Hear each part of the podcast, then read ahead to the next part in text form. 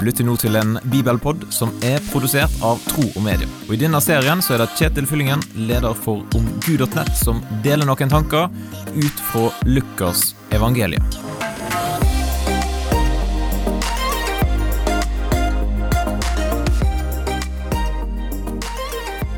Det er ikke lurt å gå i butikken dersom du er sulten. Når magen er tom, da er det lett for at handlekurven blir full av ting som du egentlig ikke trenger eller har godt av. Du faller rett og slett lettere for fristelsene som du ser i hylla. Og dette kan vi også se på andre områder i livet. Andre fristelser vi møter på vår vei. Når vi er sultne, slitne eller på en eller annen måte er nede for telling, da er det lettere for å gå på en smell. Er det mulig å unngå sånne situasjoner, eller finnes det noen tips om hva en kan gjøre når fristelsene kommer? Kanskje vi kan lære litt av Jesus.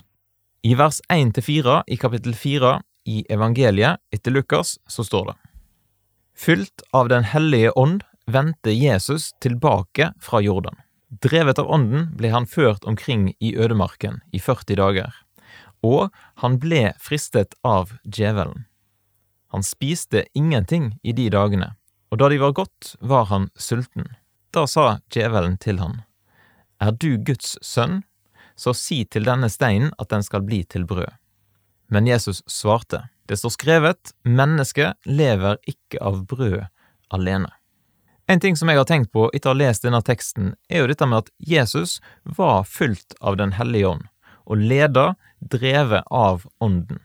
Og Da skulle en jo kanskje tro at eh, ting gikk på skinner, at livet var topp, men Jesus erfarte ødemark, sult og fristelser. Ikke akkurat en flying start på tjenesten. Så å leve tett kobla på Gud er altså ingen garanti for at livet skal gå uten prøvelser eller fristelser. Du vil møte tøffe dager, og det vil komme fristelser på rekke og rad. Men Jesus forsvarer seg når fristeren kommer. Han drar fram sverdet sitt, Guds ord, og parere angrepet ifra djevelen med Det står skrevet. Hva tenker du om disse ordene her i Lukas kapittel 4? Du er velkommen, som alltid, til å dele dine tanker med meg. Du kan sende en e-post til kjetil kjetil.troogmedier.no. Og så setter jeg veldig stor pris på om du deler Bibelpodden med noen som du kjenner. Da ønsker jeg deg en fin dag, og så poddes vi plutselig igjen. Takk for at du lytter gjennom denne bibelpodden. og Vil du gi en tilbakemelding på det som du hørte, eller vil du lære mer om kristen tro, da kan du gå til nettsida omgud.nett. Eller du kan sende en e-post til kjetil etter troogmedia.no.